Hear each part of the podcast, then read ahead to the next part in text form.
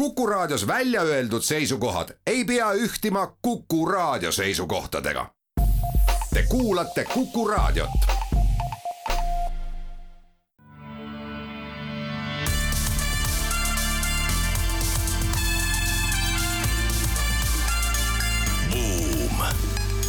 buumile annab hoogu SEB Pank tere päevast, on seitsmes juuni aasta kaks tuhat kakskümmend kolm, oleme taas eetris Buumi saatega. saatejuhid sedapuhku Raivo Vare ja Anto Liivat. uudisteploki avame teadetega sellest, et Nvidia näol oli maailmas hetkeks, aga siiski oli veel üks triljoni dollari turuväärtusega ettevõte teise uudisena räägime sellest, et tehisaru tungib kõikidesse valdkondadesse ja on jõudnud nüüd ka kinnisvara valdkonda, kus me räägime sellest, kuidas tehisaru saab kasutada kinnisvara hindamisel. lisaks sellele me räägime ka teise uudisena sellest, et äh, seesama tehisaru on päästerõngas mingil määral ka Softbankile. Softbank teadupärast on Jaapani päritolu, Softbank on äh, maailma suurimaid investoreid startup'i äridesse ja nüüd ka nagu selgub tehnoloogiaäris just nimelt kunstharusse. ning analüüsime ka seda, kuidas ikkagi olla juhina alati üks samm ajast ees, olenemata sellest, kui kaua oled juba ametis olnud. meie tänase saate läbivaks teemaks on kinnisvaraarendus, ennekõike ärikinnisvara ja saatekülaliseks Allan Remmelkoor, Artali kvartalit arendava kapitali projektidirektor. ja saan, Allan aitab meil ka uudiseid kommenteerida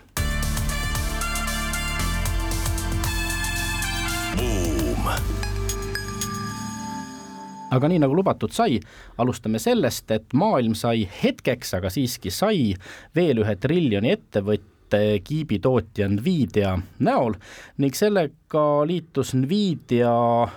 selliste hiiglaste perre nagu Apple, Microsoft, Alphabet, Amazon, noh muidugi ka Saudide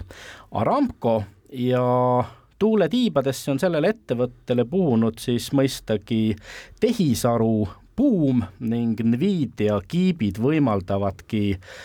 vastavalt sisestatud käsklustele tegelikult tehisarul genereerida pilte, videosid, noh, loomulikult tekste ja, ja muuhulgas siis kõike seda, mida need, kes on katsetada julenud, on juba chat GPT-ga ka teinud ja seejuures tuleb märkida, et ega eh, Nvidia on eh, mitte ainukene tegija selles vallas, aga tõenäoliselt kõige edukam hetkel puht eh, tehnilistel põhjustel. aga ärgem unustagem, et alles aasta tagasi üritasid nad ära osta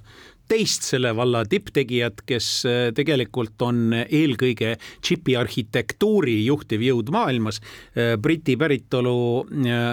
ARM mis äh, tegelikult jäi regulaatorite, nii Ameerika kui äh, Briti ja Euroopa Liidu regulaatorite soovi või õigemini soovimatuse taha seda tehingut aktsepteerida, sest kardeti, et tekib absoluutne monopol. kujutagem ette, mis oleks praegu Nvidiaga juhtunud, kui oleks nad selle tehingu saanud ära teha. ja tuletan meelde, et selle tehingu mahuks nad tollal pakkusid nelikümmend miljardit dollarit, nüüdseks on see maht kasvanud teoreetiliselt kuuskümmend kuni kaheksakümmend miljardit dollarini. jutt on siis ARM-ist, aga nüüd juba mitte enam enam väärtuse, firma väärtuse mõttes, aga nüüd mitte enam Nvidia alla minekuna, vaid äh, IPO-na, mida muuseas Softbank omades, millest kasu saab. No Nvidia aktsiahind on käesoleval aastal saja kaheksakümne protsendi võrra kerkinud, see on muljetavaldav kasv ning äh, nendega on ju läinud sedamoodi nagu kiiresti kasvavate ettevõtete puhul ikka ettevalmistus ja võimalus on kohtunud. tuhande üheksasaja üheksakümne kolmandal aastal asutati see ettevõte ja hakkasid nad äh, tootma seda tüüpi kiipe, mis võimaldasid äh, arvutimänguritel kõike seda teha, mida arvutimängude puhul tehakse, aga kahe tuhande kuuendal aastal Stanfordi ülikooli teadlased avastasid mõneti isegi üllatuslikult, et need Nvidia mängutööstuse jaoks pakutavad kiibid suudavad matemaatilisi operatsioone tõhusalt teostada, noh ja siis hakkas juhtuma, kiibid muutusid programmeeritavateks ja nüüd on Nvidia no enam-vähem midagi sellist, nagu Intel oli omal ajal arvutite jaoks, ilma lihtsalt ei saa üheksakümmend viis protsenti masinõppe äh, lahendustest äh, tugineb või kasutab täna siis Nvidia äh, kiipe. aga, aga kuidas see tehisaru kiire areng praegu kinnisvara äri ja valdkonda mõjutanud on? No kui me räägime siin Tallinna, Eesti, Baltikumi turust, siis noh, tuleb tunnistada, et ega me Äh, loeme neid uudiseid küll veidi sellise äh, abstraktsemat laadi nagu tunnetusega. Ja, ja mõtleme selle üle, et kas ja kuidas ja mismoodi meie nii-öelda eelpool äh, räägitud numbritega võrreldes ikkagi kordades ja sadades ja, ja, ja rohkematki korda väiksemates mahtudes noh, võiks mõju avaldada. aga noh, ütleme nii, et kõik, mis mujal maailmas on ära proovitud, nii heas kui halvas, kipub meie turule ka tulema. nii et eks me selleks valmis peame ikkagi olema no tegelikult äh, äh, Bloomberg avaldas intervjuu ühe äh, Ühendriikide kompanii Amhersti juhiga, kelle, kelle nii-öelda uus edumudel põhinebki tegelikult suurte andmemassiivide töötlemisel ja seejuures just nimelt sellisel Äh, kunstaru äh, tehnikatel selle kasutamise, selle databaasi äh, kasutamisel ja seejuures ta väitis, et tegelikult on nad seda ikkagi nii-öelda tehniliselt ette valmistanud ikka aastaid. see ei ole üleöö juhtunud, sest selle databaasi kogumine olukorras, kus neil on portfellis kuskil kahekümne viie miljardi eest, valdavalt seal kahekümne nelja miljardi eest residential ehk siis elamu ähm, poolt ja ainult ühe miljardi eest on äh, äripindasid, äh, siis tegelikult selle andmestiku kogumine on võtnud teatud aja. aga nüüd on ta olemas ja nüüd nad kasutavad seda ja müüvad tegelikult investoritel seda teadmist et on võimalik täpselt peaaegu suure tõenäosusega ennustada, näiteks elamute puhul seda, et mis regioonis, mis elamud, mis tüüpi lähevad paremini peale, kus on need nii-öelda võimalikud hinna nii-öelda preemiumid ja nii edasi, nii edasi, see on tegelikult ikkagi ütleme, suurte arvude seaduse küsimus, aga see ei ole enam kaugeltki mitte objektipõhine, vaid see on juba nii-öelda massiivi eh, ja vastava siis andmemassiivi lähenemise põhine. no samas ka Eestis eh, kinnisvaraobjektide hindamisaktide koostamine tehisaru abil ei tohiks ju olla mingisugune ülemäära keeruline ülesanne? ei, ma ei usu, et see on ülemäära keeruline ülesanne ja ma arvan, et eh, nii, nii paljudki ütleme siis tarkpead selle kallal ka praegu nuputavad, lihtsalt häda on alati selles, et meie turumahud on, on väikesed. Ja nagu siin just äh, Raivogi mainis, et räägitakse miljarditest, triljonitest väärtustest, ruutmeetritest, andmebaitidest ja, ja mahtudest, noh hakkabki see, see rolli mängima või see võlu tulebki välja just selliste suurte nagu andmemahtude puhul, eks ole. et meil kõik siin, siin Eestis, Baltikumis on selline tore, armas kammerlik, aga see paneb kindlasti päitsed võib-olla teatud sellistele arengutele, mis eeldavad just väga-väga suuri mahte kuid ma arvan, et üks asi, mis on oluline ka rõhutada, on see, mis Amhersti juhi äh, jutust ka välja tuli äh, Bloombergile, nimelt äh, nad kasutavad kunstaru mitte ainult selleks, et analüüsida olemasolevat baasi, vaid ka selleks, et ennustada tulevikku ja vot see on nüüd üks uus asi selles mõttes küll, et noh, et muidu see ikka väga paljus põhineb ju samu, samuti nii-öelda käsitsi analüüside läbitöötamisel ja tuleviku projekteerimisel inimese tasemel. nüüd võetakse masin appi ja ilmselt see annab teatud efekti just tänu sellele, et ta suudab koondada rohkem seda äh, sisendinformatsiooni, kui ükski inimene, ka professionaalne kinnisvaraarendaja suudab selleks, et ennustada ette, mis juhtub kümne või rohkem aasta pärast no ja sellises mudelis ei ole ju kinnisvaraäri enam kaugeltki lihtsalt äh, betooni äh, valamise või, või sellise hoone püstitamise äri, vaid ta jah, muutubki laiemalt küsimuseks äh, tarkadest ruumilahendustest ja selliste andmehulkade töötlemisest, nende põhjal tuleviku prognoosimisest, aga miks mitte ka inimeste, kaupade liigutamisest, neile millegi müümisest on ju huvitatud täna kõik suured tehnoloogiaettevõtted ja eks see Nvidia võidukäik on ajanud ju harja punaseks ka paljudel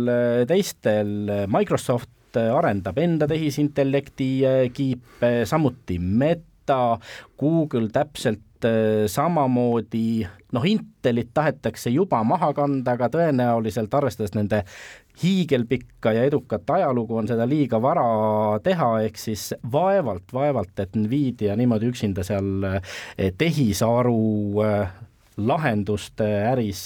laiutama jääb ja teine pool asjast on see, millest me juba põgusalt rääkisime, nimelt äh, ega siis äh, selles arendustöös on väga tähtis see projekteerimisstaadium, see nii-öelda edasiarendamisstaadium, kuhu liigutakse edasi. Ja seal ei ole Nvidia sugugi ainukene tegija maailmas, sellepärast ta tahtiski armi ära osta, kes on juhtivaid tegelasi ja tegelikult varustab ka teisi Nvidia äh, konkurente vastavate projektidega, aga teine pool asjast on see, et seesama Intel mainitud on ju ka tegelikult võimeline nii-öelda tegelema selle arendustööga kõige kõrgemal ja võimsamal tasemel, nii et vara maha kanda, fakt aga jääb faktiks, ükskõik mis valdkonnaga on tegu, jõuab kunstharu igale poole. nüüd aga kuulame ära kaubanduslikud teadaanded ning seejärel jätkame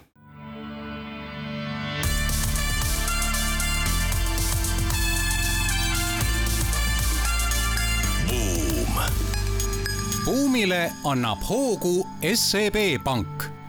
oleme tagasi Buumi eetris, saatejuhid Raivo Vare ja Anto Liivat ning meie tänaseks külaliseks on äh, Arteri kvartalit äh, arendav projektidirektor Allan Remmelkoor, kes meil aitab ka uudiseid kommenteerida. nüüd räägime sellest, et äh, kinnisvaraäris WeWorkiga vastu pükse saanud äh, SoftBank püüab nüüd samuti tehisaru buumist osa saada, sest äh, hädasti, hädasti, hädasti on äh, vaja oma portfellis olevate ettevõtete turuväärtust kuidagimoodi kasvatada, möödunud majandusaasta kahjum oli SoftBankil kui maailma kõige suuremal tehnoloogiainvestoril kolmkümmend kaks miljardit dollarit ja ta on olnud sunnitud maha müüma oma osalused nii Uberis, T-Mobile'is, Alibabas ja paljudes teistes ettevõtetes, mida ta headel aegadel võib-olla ei oleks teinud. tuletage meelde, et kahekümne esimesel aastal tegi ta äh, väga võimsaid oste, äh, ligi neljakümne viie miljardi eest ostis ennast sisse eri erinevatesse äh, äridesse. Äh, möödunud aastal ta juba kandis kahju äh, üheksateist miljardit, see aasta siis kolmkümmend kaks ja kogu portfell langes tal saja kolmekümne üheksa miljardini, mis tähendab seda, et tegu on ikkagi märkimisväärse varaväärtuse kaoga. ja selge see, et ta üritab nüüd päästa, mis päästa annab ja nüüd tulebki mängu seesama kunstharu ja kunstharu jaoks väga oluline tegija ehk siis seesama firma Arm, kellest juba sai räägitud,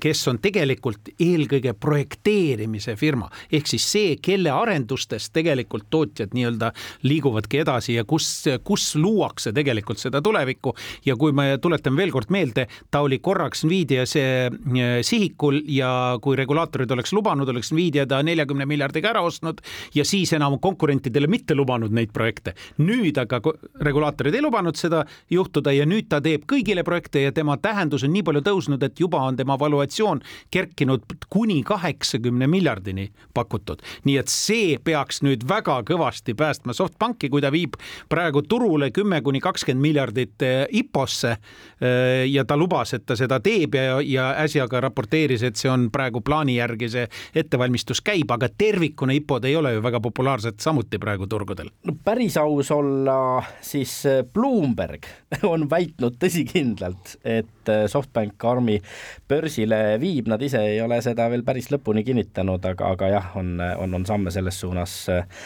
astunud. Ähm, aga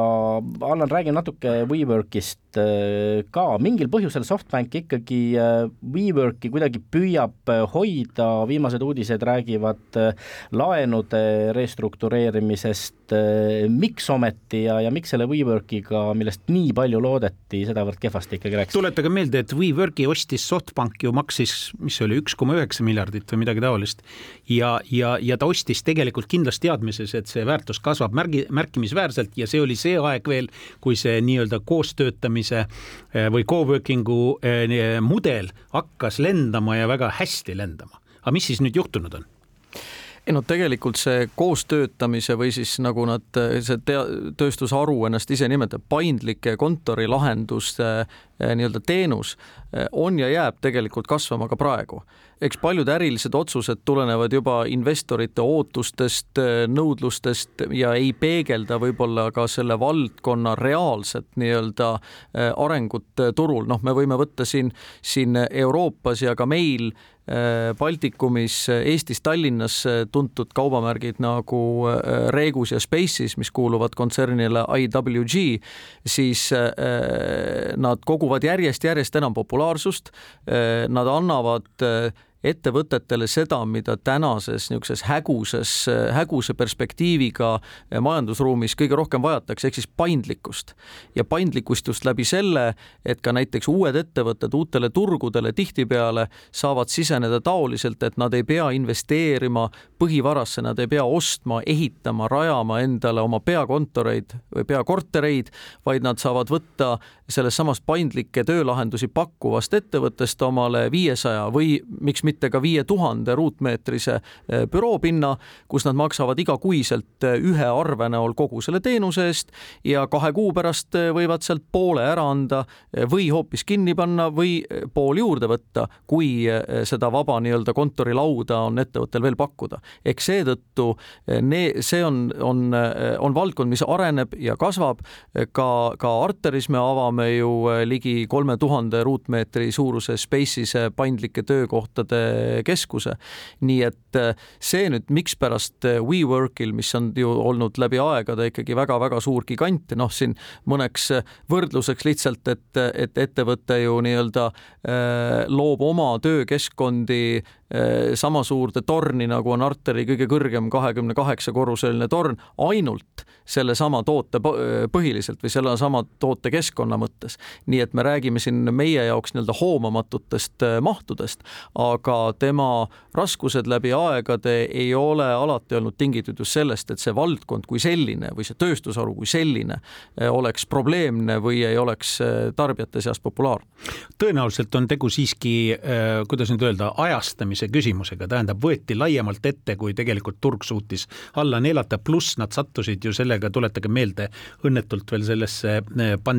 pandeemiaga seotud segaduste perioodi, kus osaliselt nagu see stimuleeris sellist lähenemist, osaliselt vastupidi, lõikas lihtsalt äh, nõudluse läbi ja, ja kuna SoftBank sinna ka väga suurt raha sisse pani, siis loomulikult see mõjus ka SoftBankale, kes ju kaotas aktsia hinnas äh, märkimisväärselt. nüüd aga Armile tänu on jälle hinna tagasi saanud ja ta restruktureerib need võlad ära, ehk siis Softbank usub sellesse edasi jätkuvalt. ta lihtsalt restruktureerib selle ärimudeli ära ja ta taasfinantseerib seda juba uuel viisil, osaliselt nii-öelda muutes äh, selle aktsiateks või, või konverteeritavaks laenuks, aga point on muus, point on selles, et see on tõenäoliselt siiski väga kiiresti jätkuvalt arenev segment. lihtsalt seal on teatud oma looduslik tempo, millest ette ruttamine teinekord annab tagasilööke. aga mitte ainult äh, tehnoloogia äris ettevõtted ei äh, tõuse kiiresti tippu, äh, misjärel kukutakse sealt tundmatusse teise või kolmandasse liigasse, vaid seda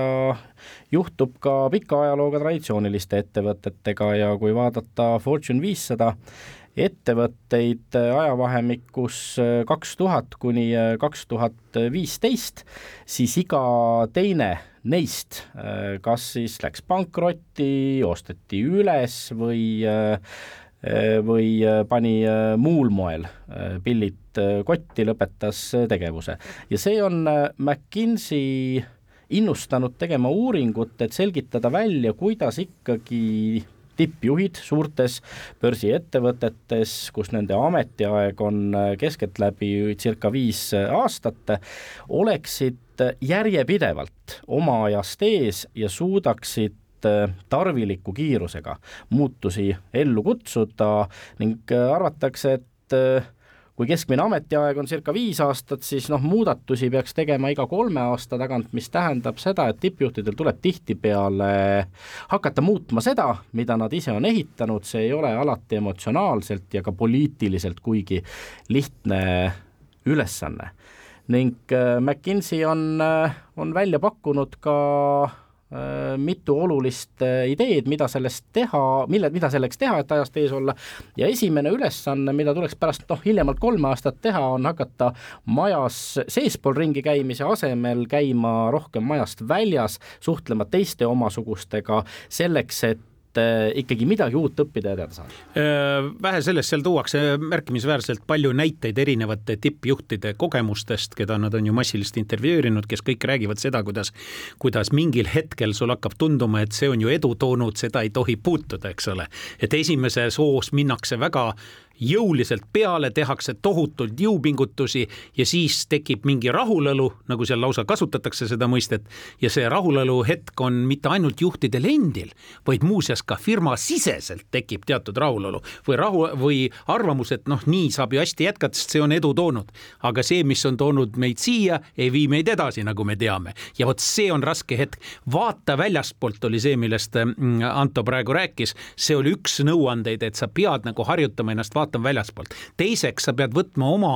ähm, inimesed kokku ja panema nad pead tööle ja seejuures tegema selle uue asja nii-öelda uudse lähenemise neile, mitte lihtsalt ära selle identifitseerima, vaid selle neile ka omaseks tegema, et nad selle omaks võtaksid. ehk siis küsima, noh, kus on see järgmine nii-öelda S-kurv või, või, või kasvukõver, Allan, oled sa pidanud midagi sellist oma elus äh, ka tegema, et piltlikult öeldes seda, mis on edu toonud, hakkama ise juhina ka lammutama? Noh, ega eh, sa mõnes mõttes ei tohi ju ära armuda sellesse, mida sa teed, mis on iseenesest väga inimlik. Ja, ja eriti kui see on toonud, eh, kui see on toonud edu, selle edu aluseks tihtipeale ei ole olnud ju see, et tõesti sina oled just olnud see, kes kõige paremini vot seda mingit protsessi, seal võivad olla muud tegurid, seal võib olla mingid kokkusattumused, mingi õige ajastuse moment ja peab suutma jääda nagu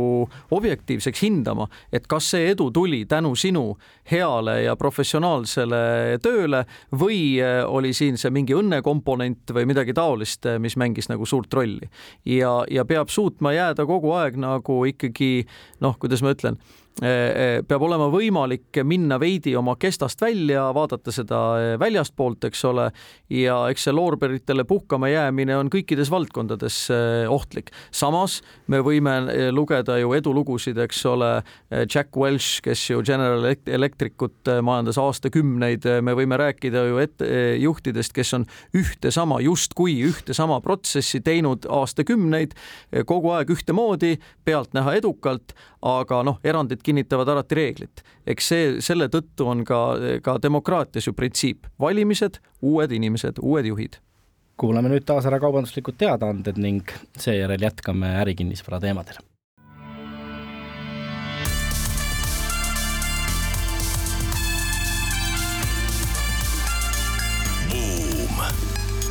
buumile annab hoogu SEB Pank oleme tagasi Buumi eetris, saatejuhid Raivo Vare ja Anto Liivat ning meie tänaseks külaliseks on Arteri kvartalit arendava kapitaliprojekti direktor Allan Remmelkoor, kellega nüüd vestleme ärikinnisvara teemadel.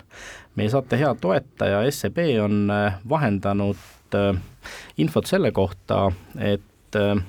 Eesti sisemajanduse koguprodukt langes käesoleva aasta esimeses kvartalis kolme koma kahe protsendi võrra. Ja kuivõrd äh, skp hakkas kahanema juba kahe tuhande kahekümne teise aasta kevadel ja on äh, kukkunud aasta teises pooles kolme-nelja protsendi jagu, siis äh, on Eesti üsna tõsises majanduslanguses ja siinne majanduslangus on suurim kogu Euroopa Liidus, vaid Leedus on majanduslangus olnud samas suurusjärgus. SEB analüütiku Mihkel Nestori sõnul on aga Eesti jaoks realiseerunud Põhjamaade näol teatud mõttes spetsiifiline risk kuivõrd Eesti peamiste kaubanduspartnerite Rootsi ja Soome majandusel on viimasel ajal läinud kehvemini kui Lääne- ja Lõuna-Euroopal ja osa oluline osa Eesti ekspordist on seotud Põhjamaade ehitusturu aktiivsusega, ometigi on kinnisvaraettevõtteid, kes üsna julgelt mahukaid projekte arendavad, sealhulgas teie Arteri kvartaliga,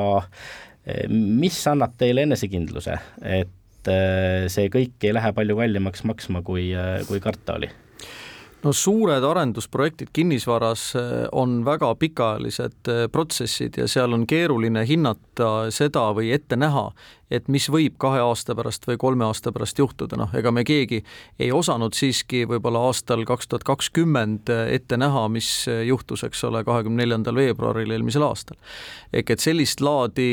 teatud riskid on ju kogu aeg õhus, teisest küljest noh, Tallinn on ja püsib, äh, me oleme avatud majandus äh, ja, ja meie kõikumised ilmselt äh, maailma majanduse tõttu on ka kindlasti kiiremad ja on sügavamad, tõusud kõrgemad, langused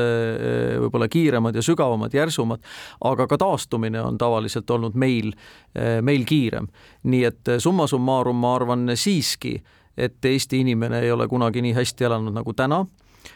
samas meil on esmakordne olukord ka analüütikute jaoks, kus äh, ühest küljest inflatsioon on, püsib väga kõrge, intresse tõstetakse seetõttu juurde, aga tööpuudust ei, me ei näe, me näeme tööhõive kõrget äh, määra, me näeme seda, et avalik sektor äh, suurendab palku ja võtab töötajaid juurde, mis on ka tegelikult meie väikese turu jaoks hästi oluline mõjutegur, nii et tõesti seda, seda määramatust ja hägusust nagu silmapiiril on palju aga, aga, aga noh, lõppkokkuvõttes tõesti häid uudiseid makromajanduslikust keskkonnast me kuuleme vähe praegu. no kui me ennist äh, rääkisime sellest, et äh, WeWorki sarnased lahendused koostöötamise pinnad on atraktiivne äri, siis kellele ometigi see kolmkümmend kaheksa tuhat ruutmeetrit äripinda, mida teie rajate? Äh, tegelikult äh, see Covidi pandeemia muutis ikkagi väga-väga drastiliselt äh, büroopindade arendust, arendusi ja, ja turgu kogu maailmas. kui kaubanduskeskused tegid oma muutused läbi, läbi e-kaubanduse kasvu ja, ja muude taoliste juba mitmed aastad varem, siis tänane büroo, kus inimene töötab, peab olema parem kui kodu ja väga paljud suured ettevõtted täna nii Eestis kui ka laias maailmas vaevlevadki just selle käes, et nende pakutav töökeskkond ei ole töötajatele atraktiivne. noh, lihtsad näited, laed on madalad, ventilatsioon on halb, ruumide õhuvahetus on puudulik, hooned on monofunktsionaalsed, midagi seal teha ei ole peale konkreetselt tööl käimise, ehk et väga palju selliseid nii sisulisi kui ka puhtalt emotsionaalseid tegureid on neid, mille tõttu täna ettevõtted otsivad omale ikkagi paremat, kaasaegsemat ja töötajatele nii-öelda meeldivamat töökeskkonda. ja töökeskkonda täiendab siis muu keskkond, ehk siis tegelikult räägitakse universaalsest keskkonnast, mille hulka kuulub töökeskkond. ja samuti ka kommunikatsioonidega seotud temaatika, ka paindlikkus, kui jälle kinnisvaraäri poolt vaadata, siis ka paindlikkus. ehk siis sa pead olema võimeline vajadusel ümber konfigureerima olemasolevate ruumide kasutusosteret, vanasti ehitati üks asi valmis ja nii ta jäi, eks ole, siis kui sellele kliendile ei sobinud, võeti järgmine. nüüd enam nii ei saa, nüüd pead isegi sellesama kliendi puhul teinekord asju muutma hakkama ja, ja veel kusjuures ka lepingu kehtivuse ajal isegi. ehk siis peab olema paindlikkus, mida see tähendab ehitustehniliselt näiteks, seal peab olema kontseptuaalselt see läbi mõeldud, see peab olema ka ehitustehniliselt läbi mõeldud. kuidas teil seal Arteri kvartalis on sellega? no tegelikult kasutatakse sellist eh, peent terminit nagu terviklik ökosüsteem ja terviklik ökosüsteem tähendab seda, et me ei loo enam täna ühte monofunktsionaalset torni, kus inimene tuleb uksest sisse, läheb läbi turnikee lifti, sõidab oma neljateistkümnendale korrusele ja siis õhtul kell viis või pool kuus sõidab sama liftiga alla läbi turnikee, läbi ukse välja. vaid selles ökosüsteemis ehk siis nagu Arter kvartalis tervikul, seal peab olema täiendavaid teenuseid, täiendavaid võimalusi, mis loovad sulle selle keskkonna, igapäevase keskkonna meeldivamaks, aga mis tegelikult aitab võita ka seda reaalset igapäevast aega. kui sul on lisateenused, teenuseid sama katuse all, mis tähendab, et sa ei pea kas autopesula või lastehoiu või mõnede ilu terviseteenuste tarbimiseks sõitma äh, parklast välja teise kohta linnas, läbima ummikuid, siis otsima uuesti parkimiskohta ja siis sõitma nagu koju. Ja kui sa paned selliste teenuste, selliste liikumiste peale omal äh, nii-öelda kella käima, siis äh, noh, nädalas tuleb oma kaks-kolm tundi nii-öelda reaalset ajavõitu, et see on selle ökosüsteemi üks selline võit, et ta aitab kokku hoida meil kõige kallimat vara teine võit on koos ajaga, on tegelikult närvid. närvipinge, äh, tegelikult ka emotsionaalne äh, element, mis on üha tähtsam muuseas inimestel, kes töötavad ja, ja, ja kolmandaks peab olema see, see tunnetus, see paindlikkuse ja mugavuse tunnetus on omaette väärtusega ja see on muutunud muuseas kvalifitseerivaks argumendiks äh, teatud tüüpi klientide puhul juba praegu. noh, üks väikene nüanss, tehniline nüanss näiteks on see, et me, me, me arteris paigaldame korrustele sellise temaatik, sellise nii-öelda lahenduse nagu tõstetud põrand, mis tähendab seda, et kogu töökohtade kaabeldus on võimalik vedada selle tõstetud põranda moodulite alt, mis tähendab seda, et ümber tõsta ja paigutada ümber laudu töökeskkondi on väga-väga lihtne, ei pea freesima uusi kaableid põrandasse või mingit muud taolist eh, lahendust, et see on nagu üks sellise tehnilise paindlikkuse näide. no klassika ongi tegelikult kommunikatsioonid ja, ja ja kanalisatsioonid ja ventilatsioonid, need peavad olema nüüd palju paindlikumad, kui nad enne olid. kuidas me ikkagi noh, veel kümmekond aastat tagasi siis nii rumalad olime, et me ei näinud ette seda, mis äh, kümne-konna aasta pärast äh, juhtuma hakkab, kuidas inimeste eelistused muutuvad või, äh, või teistpidi, mis meile ikkagi täna annab tõsikindlalt väita, et me teame, milline üks hea büroo, büroohoone peaks kümne aasta pärast olema, vaatame PricewaterhouseCoopersi uuringut, näeme, et noh, veel kümmekond aastat tagasi ehitati kõige parema meelega ostukeskusi ja neid veel tihtipeale linnast välja ka, täna ei ole seda tüüpi tüüpi investeeringud enam kaugeltki investorite jaoks atraktiivsed? noh, täna me räägime ju viieteist minuti linnast, eks ole, mis tähendab, et viieteist minuti raames peaks olema sul võimalik oma elukoha juures tarbida kõiki eluks vajalikke teenuseid, eks ole, ja, ja hea, kui selle viieteist minuti sisse kuulub ka sinu töökoht. aga vot see oleks üks põnev ülesanne nii-öelda tehisintellektile, suuta modelleerida olemasoleva andmebaasi meeletute mahtude baasil ikkagi seda tarbija käitumise muutust tuleviku jaoks. vot see oleks oleks üks äraütlemata põnev nii-öelda lahendus, kui ma saan eh, panna, määrata mingisugused sisendid ja siis läbi selle nagu vaadata, et mis siis kolme või viie või X perioodi aasta möödudes, eks ole, võiks olla siis minu vastava toote mingisugune ootus, eks ole, sest noh, kinnisvara paljuski on ju ka psühholoogia. nii korterite ostu puhul mängib väga palju rolli psühholoogia, nii büroopinna valiku puhul mängib psühholoogia ehk et kas noh, kuidas, kuidas need emotsioonid, kas nad toetavad minu valikut või nad ei toeta, eks ole, et ega selles kindlat valemit siin ette ei ole võimalik anda ja kindlasti on ka Arter kahekümne aasta pärast vananenud. ja tegelikult see uudisteplokis räägitud Amhersti näide ongi tegelikult sinnapoole liikumas, nad just nimelt seda üritavadki tegelikult. kuulame nüüd taas ära kaubanduslikud teadaanded ning seejärel jätkame kinnisvara teemadel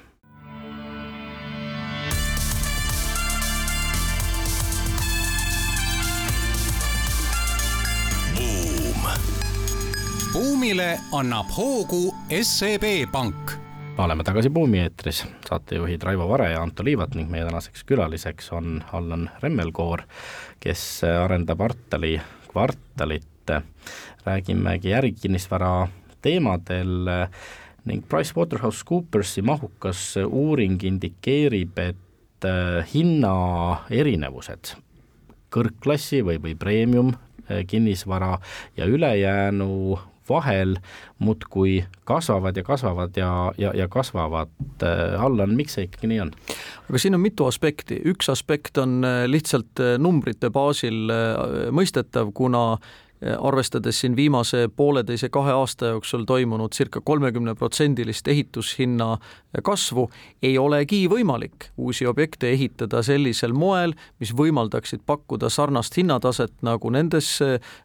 nendel objektidel, eks ole, mis ehitati kümme aastat tagasi. see on nagu, nagu üks tegur. teine tegur on see, mida me ka siin eelmises lõigus puudutasime, selle keskkonna loomine, selle, selle sisekliima loomine, selle ökosüsteemi loomine, need täiendavad vajadused selle ruumi eh, nii-öelda paremaks muutmiseks. Eh, need on need, mis on kallid ja, ja tänapäeva juht ei ole enam sellise vana kuvandi järgi reljeefse suhtumise ja klotsersõrmusega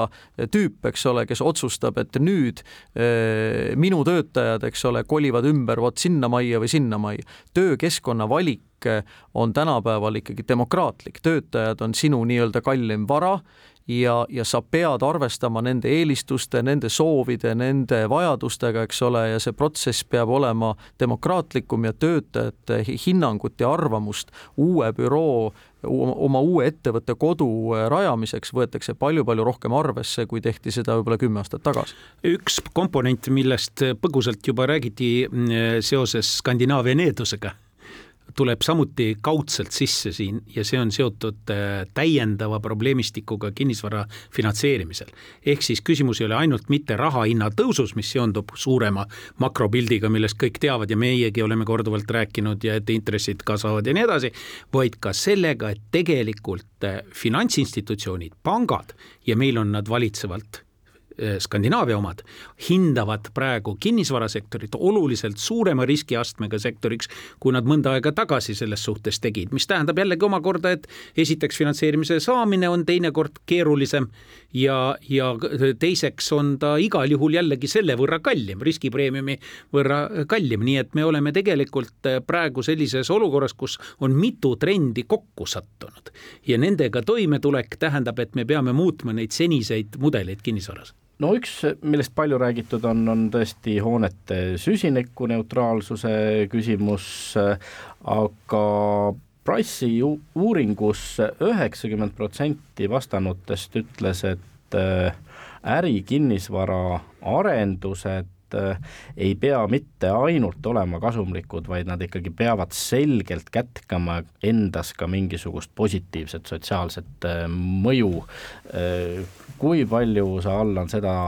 juba tunned, et äh, küsitakse järjest rohkem, heakene küll noh, ökosüsteem, äh, büroohoone või, või, või kontoripind, aga, aga kuidas te ikkagi sellega maailma paremaks muudate? Noh, loomulikult iga suur objekt, eh, mida linna rajatakse, ta peab ikkagi andma linnale mingisugust täiendavat lisaväärtust, aga need eh, nii-öelda keskkonnasõbralikkus, eh, süsiniku jalajälg, need on kindlasti möödunud aastate jooksul noh, tõusnud nii palju olulisemaks. ehk et täna nad on ükspuha, mis veidikenegi suurema ja rahvusvahelise taustaga ettevõtete jaoks on ta kas number üks või, või siis noh, number kaks nii-öelda kastike, kuhu tuleb teha linnuke, nii et see on möödapääsmatu. olen minagi siin rääkinud erinevates saadetes just sellest Preamist, Goldist, nendest serti-, keskkonnasertifikaatidest ja kui sa tahad teha tegemist rahvusvaheliste finantseerijatega, võib-olla tulevikus institutsionaalsete sinu vara ostjatega ja rahvusvaheliste nagu üürnikega, siis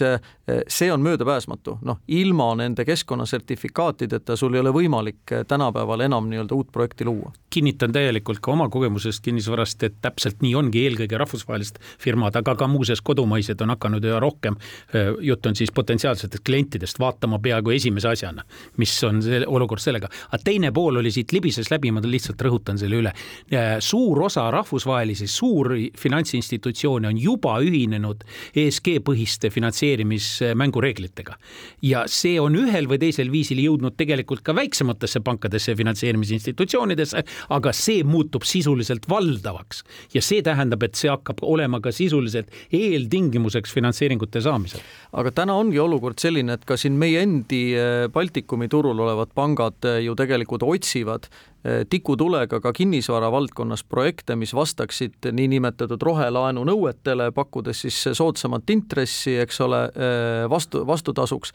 aga lihtsalt probleem on seal selles, et noh, täna näiteks siin Eestis rohelaenu kvalifitseerumiseks äh, peab sinu projekt olema ikkagi ligi nullenergia hoonele kehtestatud nõuetest veel kümme protsenti äh, äh, nii-öelda tõhusama nii-öelda energiamärgisega, ehk siis kui meil see ligi nullenergia hoone energiatõhususarv peab ole, peab olema alla saja, siis rohelaenuks kvalifitseerumiseks sealt veel kümme protsenti allapoole ehk siis sisuliselt üheksakümmend. ja noh, see on ikkagi väga-väga ränk nõue ja, ja poole projekti pealt seda enam ka muuta ei ole võimalik milliseid maailma linnu sa eeskujudena jälgid või silma peal hoiad, Price'i uuring äh, toob siin heade näidetena välja Londoni, mis ei ole alati kõige mõnusam elukeskkond, aga ka Berliini, Pariisi, Stockholmi, Müncheni, noh, nad on kõik hästi suured linnad, et küllap on seal lisaks ummikutele ja, ja meie jaoks kärarikkale mürakeskkonnale ka väga-väga häid ja ägedaid lahendusi. ei noh, tegelikult väga häid ja ägedaid lahendusi näeb näiteks Varssavis et Poola on olnud ikkagi nii-öelda raudse eesriide langemisest alates ju turg, kuhu on tormanud kõik äh, lääne suurfirmad, noh, kui me räägime näiteks kinnisvaraarendusest, kui me räägime kaubandusest, äh, mis ei tähenda, et investoril oleks ta tore linn kuna konkurents on olnud seal metsik. Eh, kui te lähete Varssavisse ja võtate Viie Tärni hotelli, hotellide hinnad, noh, siis nad võib-olla kordades Tallinna omadele alla ei jää, aga noh, selgelt on odavamad. Eh, aga, aga samas seal näeb kihvte lahendusi, seal näeb kihvte arhitektuurseid lahendusi, mastaabid on seal ägedad, nii et, et see on kindlasti üks noh, suhteliselt lähedal asuv linn, kus tasub käia silmad lahti. lihtsalt ääremärkusena siiski tooks veel ühe aspekti, nimelt need suured linnad mis nimetati Anto poolt, need on eelkõige nõndanimetatud gateway kategooria linnad, ehk siis need eh, kõige suuremad, kõige ahvatlevamad ja nii edasi, aga tegelikult uus, eh, uus vana nišš, kus needsamad nõuded hakkavad üha rohkem rolli mängima, on hoopiski need järgmise layer'i linnad. ehk siis, mis ei ole gateway linnad, aga mis on piltlikult öeldes noh, kui me võtame Eesti mastaabi, siis Tallinna asemel räägime Tartust, eks ole, seal hakkavad need asjad mängima veel rohkem rolli, kui seal eales on olnud, aga praegu olgem ausad, esialgu veel kõik vaatavad capital city sid ehk siis, ehk siis vaatavad neid gateway linnu eelkõige nii eeskujuna kui ka investeerimisobjektina kõige soodsamana. kuidas äh me peaksime vaatama ärimudelite muutust äh, kinnisvara äris, Price'i uuring äh, selle ühe aspektina ka välja toob, äh, kuidas ärimudelid kinnisvaraäris muutunud on ennekõike siis ärikinnisvara puhul? noh, ütle, ütleme, et tootlused on langenud see on kahjuks see trend, mida tuleb öelda, et nagu ma siin just äsja ütlesin, et ehitushinnad paraku on kolmkümmend protsenti tõusnud.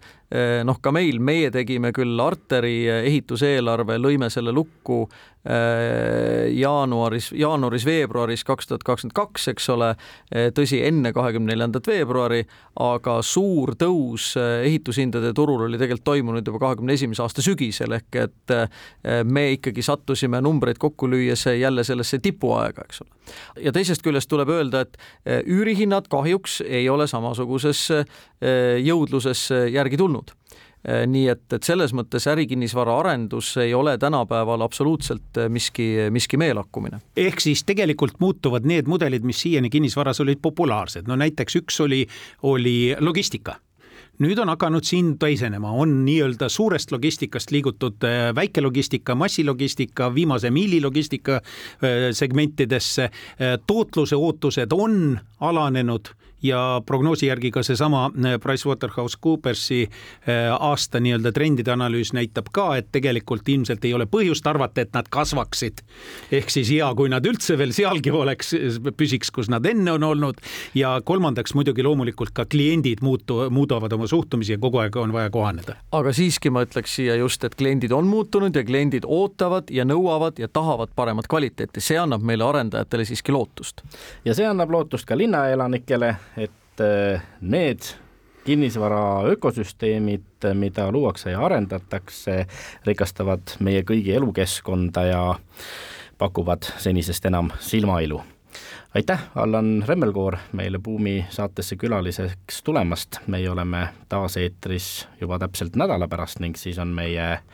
teemaraamiks innovatsioon ja külaliseks SEB Panga innovatsioonijuht Sander Välk. seniks aga ilusat nädala jätku ja kuulmiseni!